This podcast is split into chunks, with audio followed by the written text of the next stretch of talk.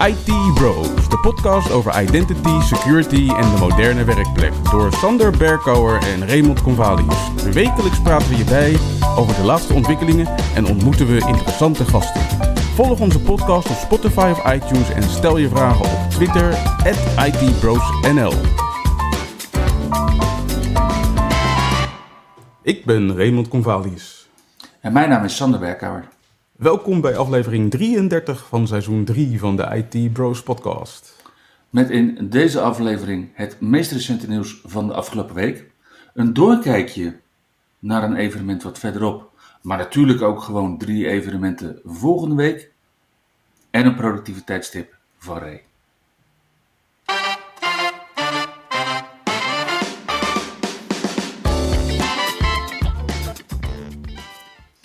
Ja, en uiteraard beginnen we met Windows nieuws, of niet Ray?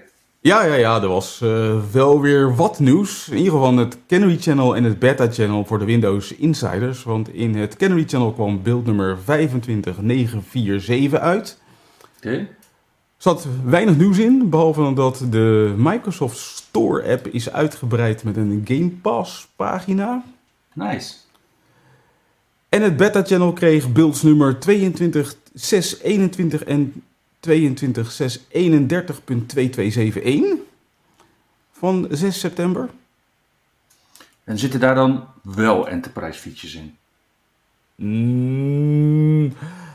Ze hebben daar een feature geïntroduceerd enige tijd terug met eh, inking. Dan kon je met je pennetje opeens invulvelden invullen die je normaal gesproken alleen met je keyboard kon invullen. Ja.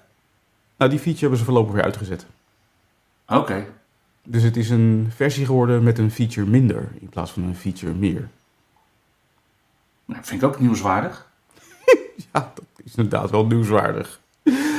wat ik zelf wat meer nieuwswaardig vond, is eigenlijk een update die vorige week is geïntroduceerd in het Canary Channel en het Dev Channel van Windows 11, namelijk updates voor de Snipping Tool en Notepad. Hebben we dat gemist vorige week, Ray? Ja, blijkt van wel, want uh, de Snipping Tool, daarvan kwam versie 11.2307.44.0 beschikbaar. En die heeft een nieuwe keyboard shortcut gekregen, namelijk Windows Shift R. En je had al Windows Shift S voor een screenshot. En nu kan je Windows Shift R gebruiken voor een screen recording. En behalve dat je dus nu leuke screen- of schermopnames kan maken met je snipping tool, kan je die ook nog eens een keer voorzien van voice-overs, waarbij je vanuit de snipping tool keurig kan kiezen voor welke microfoon je wil gebruiken tijdens de voice-over. Nou, ook Notepad kreeg een uh, nuttige uitbreiding met versie 11.2307.22.0. Want die is vanaf nu voorzien van autosave. Dat betekent Hmm. dat die alle tabbladen onthoudt die je open had toen je Notepad afsloot.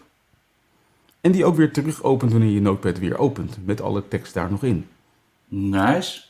En is Notepad dan op die manier on par met WordPad? WordPad is ten einde. Ja, maar WordPad is een overblijfsel uit Windows 95, Mhm. enige tijd terug.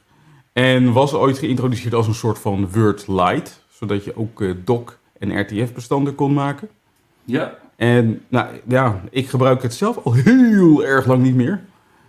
Maar op 1 september heeft Microsoft dan aangekondigd dat ze ermee gaan stoppen. Er komen geen nieuwe updates meer. En in een toekomstige Windows-versie gaat WordPad verdwijnen uit Windows. Als ik jou zo beluister, ga jij het wel missen. Ja, ik word hier wel even stil van. Ik, eh, ik ben een groot fan van WordPad. Want wat ik namelijk doe, als ik ergens mee bezig ben en ik maak schermafbeeldingen, gewoon met de snipping tool bijvoorbeeld, ja, je moet ze nog wel ergens plakken. En ik plak ze dan in WordPad en dan hou ik een 200, 300, 400 MB WordPad, een RTF-document over. Mhm. Die open ik dan in Word Mhm. sla ik hem op als docx en is die 700 kb. Ja. En natuurlijk kan de Problem Steps Recorder dat ook. Mhm. Maar ik vind de kwaliteit van de screenshots in de Problem Steps Recorder gewoon niet altijd even goed. Nee, daar kan ik je geen ongelijk in geven. Ja, alleen WordPad, ja, de laatste grote update was in Windows 8. Ik wist niet eens dat het nog in Windows 11 zat. En jij gebruikt het niet. Nee, ik gebruik het helemaal niet. En ja, ik kan me voorstellen dat zeker als je het op Windows Server nog gebruikt, dat je het misschien wel gaat missen. Ja. Maar het is klaar. WordPad is gewoon klaar. Het gaat op den duur verdwijnen. Dus ik denk dat met de grote volgende Windows Server release dat je een alternatief zal moeten zoeken. Ja, ik ga gewoon meer schijfruimte kopen, denk ik. We gaan het dan maar rechtstreeks in Word plakken. Ja, ja, ja, ja, ja. inderdaad. Nou, vorige week hadden we ook nog een eh, leuk item met eh, de Windows Preview build, die op sommige systemen een blue screen of dead bleek te veroorzaken. Ja, we waren weer terug in de wondere tijd van de blauwe schermen des doods.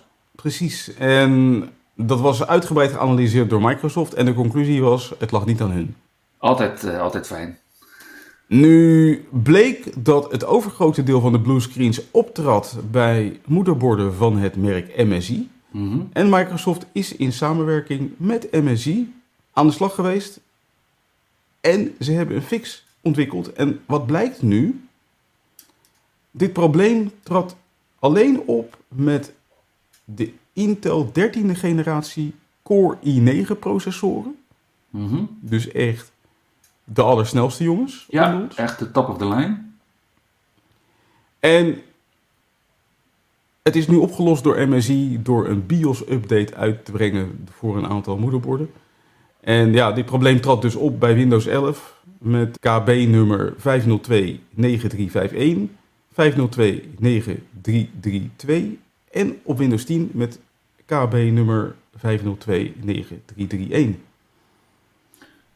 Maar het is dus weer waar dat met de meest snelle hardware Windows nog steeds het meest snel crasht. Ja, dat is inderdaad zo, ja. Oh, wauw. Dat is ook alweer iets wat ik eh, twintig jaar geleden voor het laatst hoorde. Ja, Hey en Ray, was dat dan al het nieuws rondom Windows? Nee, nee, nee. Er was ook nog een eh, datalek bij eh, Intel. Daar lekte namelijk informatie uit over de ondersteuning van Wi-Fi versie 7 of Wi-Fi versie 7. Voor de liefhebbers onder ons. Blijkt namelijk dat de ondersteuning voor Wi-Fi 7, in ieder geval uit die documentatie zou dat blijken, er alleen gaat komen voor Windows 11 en niet voor Windows 10. Oké.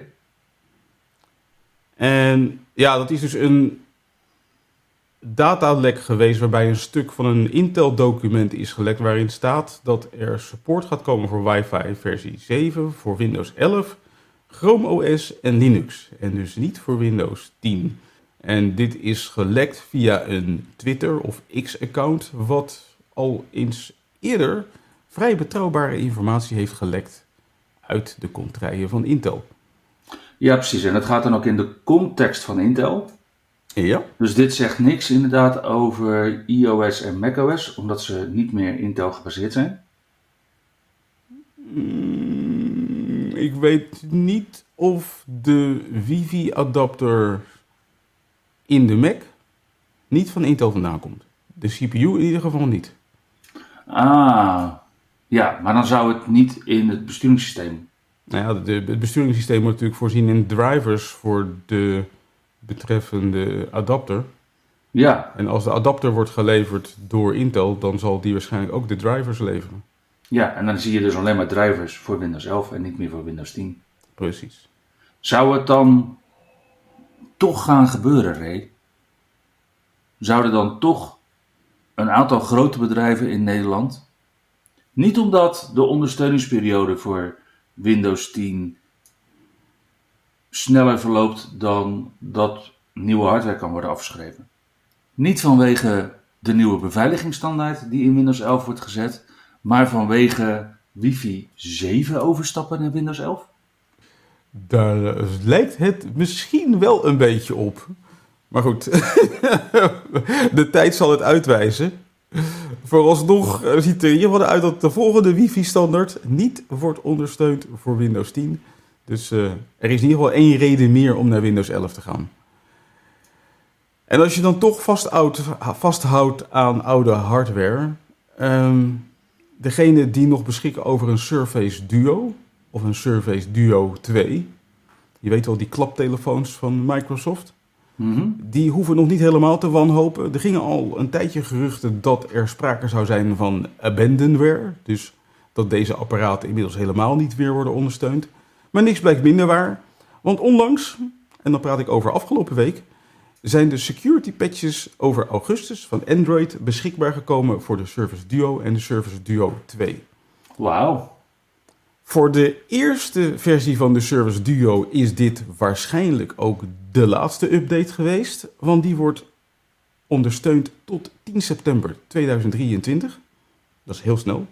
Ja, en de ondersteuning voor de Surface Duo 2, die loopt geloof ik nog wel even.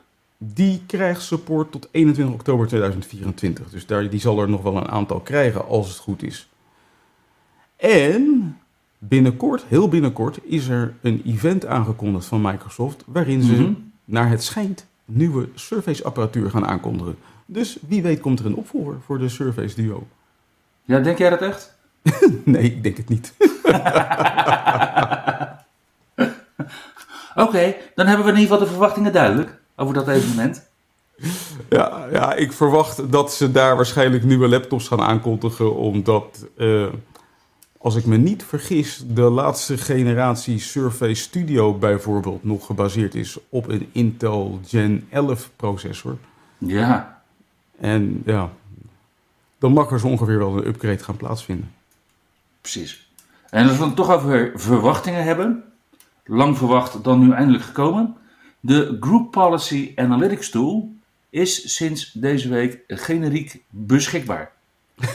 En dit is de tool voor elke fervente Intune beheerder die zich afvraagt hoe die de hele Group Policy structuur vanuit Active Directory richting domain joint apparaten kan overzetten richting Intune. Ja, En eigenlijk zeg ik het dan heel netjes. Maar eigenlijk is dit de tool waarmee elke Intune beheerder potentieel loopbaan-euthanasie kan plegen. ga door. Maar laat ik heel duidelijk zijn.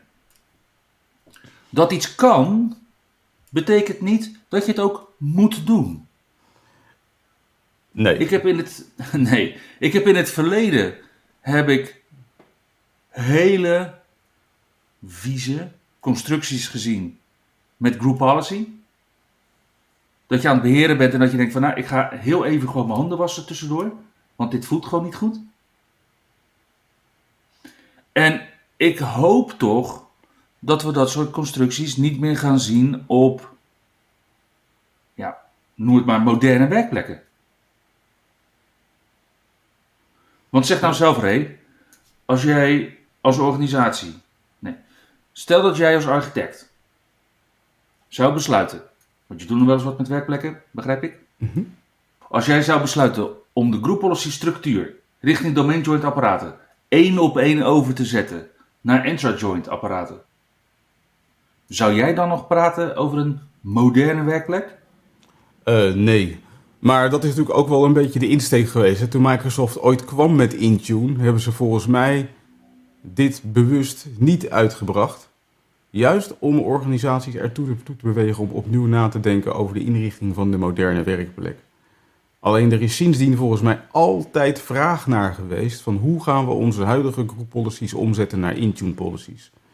En uiteindelijk heeft dit na jaren hiertoe geleid. En zelfs generiek beschikbaar. Ja, Dus als in afgemaakt zelfs vanuit Microsoft. Afgerond. ja. En dat, eh, dat zien we ook niet vaak. Nee.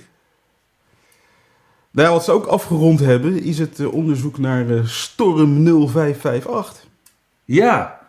ja, we hebben het daar laatst over gehad in seizoen 3, aflevering 27. Dan hebben we het over 14 juli dit jaar, mensen. Dus bijna twee maanden geleden. En je kan je zo voorstellen bij een organisatie met een paar honderdduizend mensen. eh, zoals Microsoft is, dat daar nogal wat tijd overheen gaat om tot de bodem te komen van wat er precies gebeurd is. Dat is Microsoft niet geheel, maar wel grotendeels. Dus wat Microsoft heeft ontdekt, terwijl ze de stappen van de kwaadwillenden achterhaalden, was dat er problemen waren met een productiesysteem in april 2021. Dus 2,5 jaar geleden. Er was een probleem met, toen heette het nog Azure AD. Mhm. En de, van dat productiesysteem, daar kwam een crashdump uit. En in die crashdump, daar zat de signing key in voor de consumer space. Voor de Microsoft accounts, de personal accounts. En die zat erin vanwege een race condition. Dus het is al heel zeldzaam dat dat soort materiaal, wat gevoelig is, in dat soort crashdumps zit. En dat voegt dus ook toe aan de complexiteit die deze aanval kent. Ja, misschien zou je zelfs wel kunnen zeggen dat dit de eerste echte advanced threat eh, was. Mhm. Vervolgens, en je- dit is alsof je naar zo'n show zit te kijken op Discovery over hoe is het toch mogelijk dat zo'n vliegtuig uit de lucht valt. Vervolgens is het die Storm 558 groepering gelukt om een account van een Microsoft engineer te compromitteren. Compromitteren van accounts gebeurt aan de lopende band. Ook als er MFA wordt gebruikt. Want ook daar zien we bij organisaties eh, dat het niet altijd phishing resistant is. Sterker nog, meestal niet. En op die manier hebben die Chinese knakkers toegang gekregen tot de debug-omgeving van Microsoft. Daardoor kregen ze toegang tot de crashdump en daardoor kregen ze toegang tot de signing key.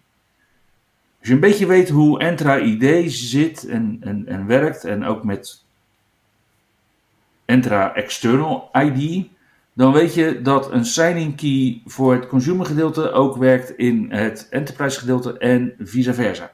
Ja. En dat heeft Storm 558 gebruikt om Entra ID tokens te maken. Want als jij een signing key hebt waarmee jij tokens kunt ondertekenen, dan is net als in de ADFS wereld alles wat in die token staat de waarheid. Mhm. Nou, op deze manier kregen de kwaadwillende toegang tot een handvol overheidsorganisaties in de Verenigde Staten. En een van die organisaties klopte na een maand aan bij Microsoft van hé, hey, we zien wat rare dingen. En Microsoft had het zelf dus nog niet gezien. Nou, sindsdien is Microsoft op een behoorlijke snelle wijze aan de slag gegaan om de schade zoveel mogelijk te verminderen en te verhelpen. En daarom is ook alleen een handvol overheidsorganisaties bij deze aanval betrokken. En Microsoft heeft die race condition aangepakt, heeft de detectie verbeterd van sleutelmateriaal in crash dumps en in de debugging-omgeving, heeft nieuwe MSAL-versies uitgebracht. Dus nieuwe versies voor de Microsoft Authentication Libraries, zodat niet meer zomaar klakkeloos wordt aangenomen dat een token die met de consumer key is ondertekend, maar iets zegt over een enterprise identiteit, klakkeloos wordt aangenomen. Daar wordt nu op gecontroleerd. En uiteraard heeft het gecommuniceerd naar de organisaties die het betrof.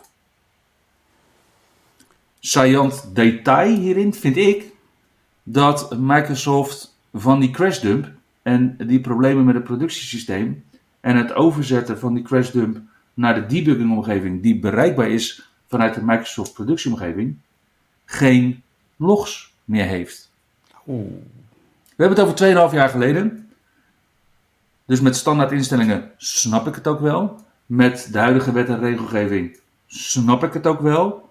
Maar mocht jij als informatiebeveiligingsdeskundige ooit een keer vanaf dit moment commentaar krijgen dat bepaalde logs er niet zijn, mompel dan iets over Storm 558 en ik denk dat het zomaar weggaat.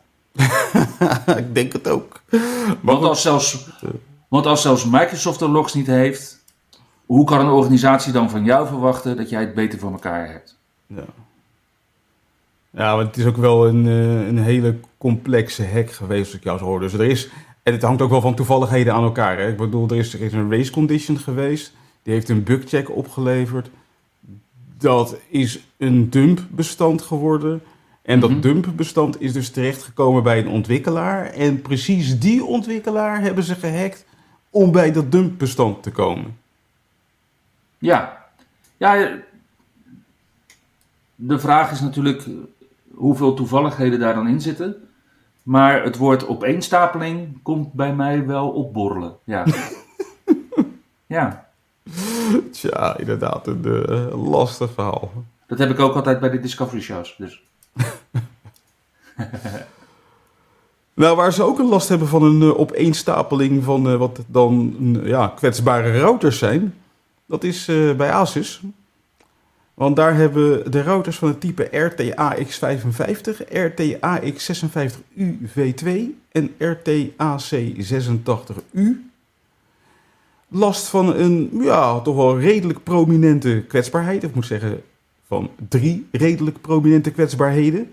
Bekend onder nummers CVE 2023 39 238, 39 239 en 39 240. En die hebben alle drie een CVSS-score meegekregen van 9,8 op een schaal van 10. En, en hoe kan ik dat dan het beste interpreteren? Het is dat deze routers niet spontaan in de fik vliegen, maar je moet er nog even naar kijken. Ja, zo ongeveer wel. Alle routers die nog niet zijn gepatcht, die kunnen op afstand, zonder authenticatie, gebruikt worden om allerlei code op uit te voeren. En ja, dat kan weer leiden tot hele vervelende toestanden. Hele vervelende toestanden, ja. En hoe heeft Asus dit probleem opgelost? Eh, de patches zijn inmiddels beschikbaar voor al deze routers. Ik heb begrepen dat de eerste patches al in juli beschikbaar zijn gekomen en dat de laatste patches onlangs beschikbaar zijn gekomen. En het zijn routers, ja, toch wel uit de high-end gaming lijn van Asus. Dus ze zullen doorgaans bij ja, redelijk geavanceerde eindgebruikers staan. Die hopelijk hun updates in de gaten houden. Althans, de updates van hun routers.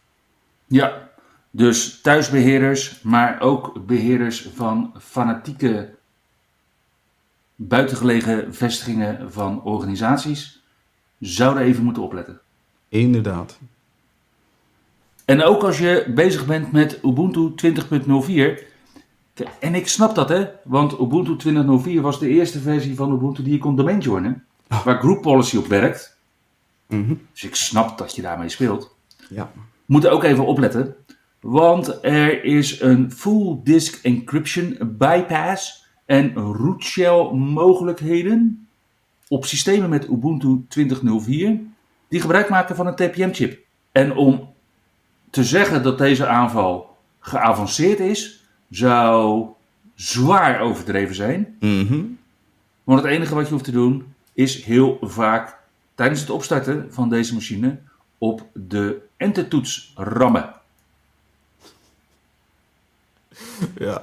ja, dit was trouwens een vulnerability uit Debian uit 2016, hè, die hiervoor is bedacht Oké. door een eh, Michael Fincham van Pulse Security. Mhm. En ja, die ontdekte dus inderdaad dat als jij maar eh, vaak en snel genoeg op de entertoets drukte, dan ging er een of andere buffer over zijn nek. Mhm. Waarna het systeem dus besloot om te eindigen in een root shell. En vanuit die root shell kan je vervolgens weer gemakkelijk, althans in Ubuntu, van de TPM de beschikking krijgen over de sleutel voor je full disk encryption. Wat trouwens wel erg grappig is, is in de beschrijving van deze kwetsbaarheid. En er is trouwens ook, een, ook wel een, een oplossing voor door een aangepaste kernel command line te, in- te implementeren op Ubuntu. Oké. Maar deze man die schrijft vol lof over hoe Microsoft BitLocker heeft geïmplementeerd en dat deze hack met BitLocker toch echt niet mogelijk zal zijn. Mits je gebruik maakt van de TPM-chip voor je BitLocker. Uiteraard. Ja, want die softwareversie van BitLocker, mensen, doe het niet.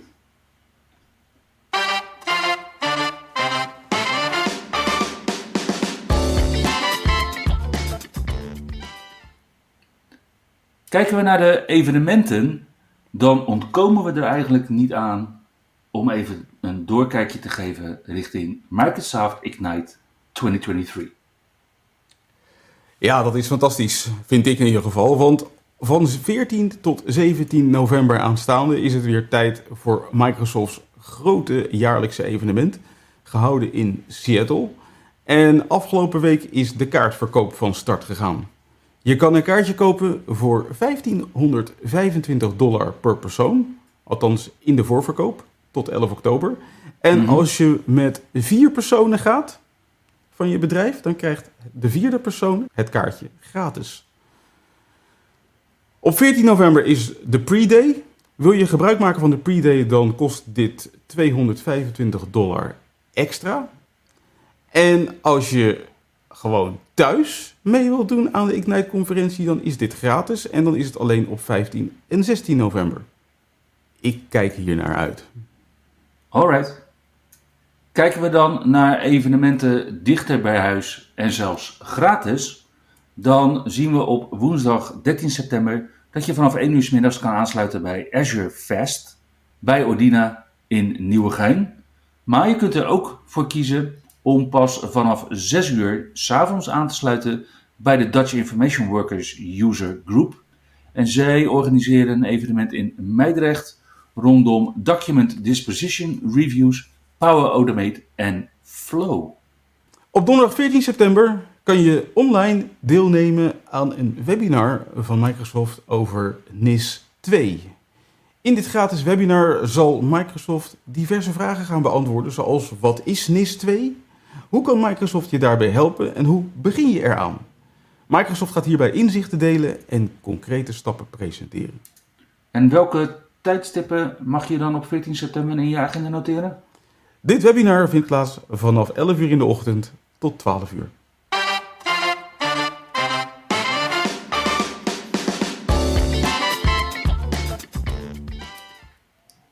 Hey en Ray, wat is de productiviteitstip deze week?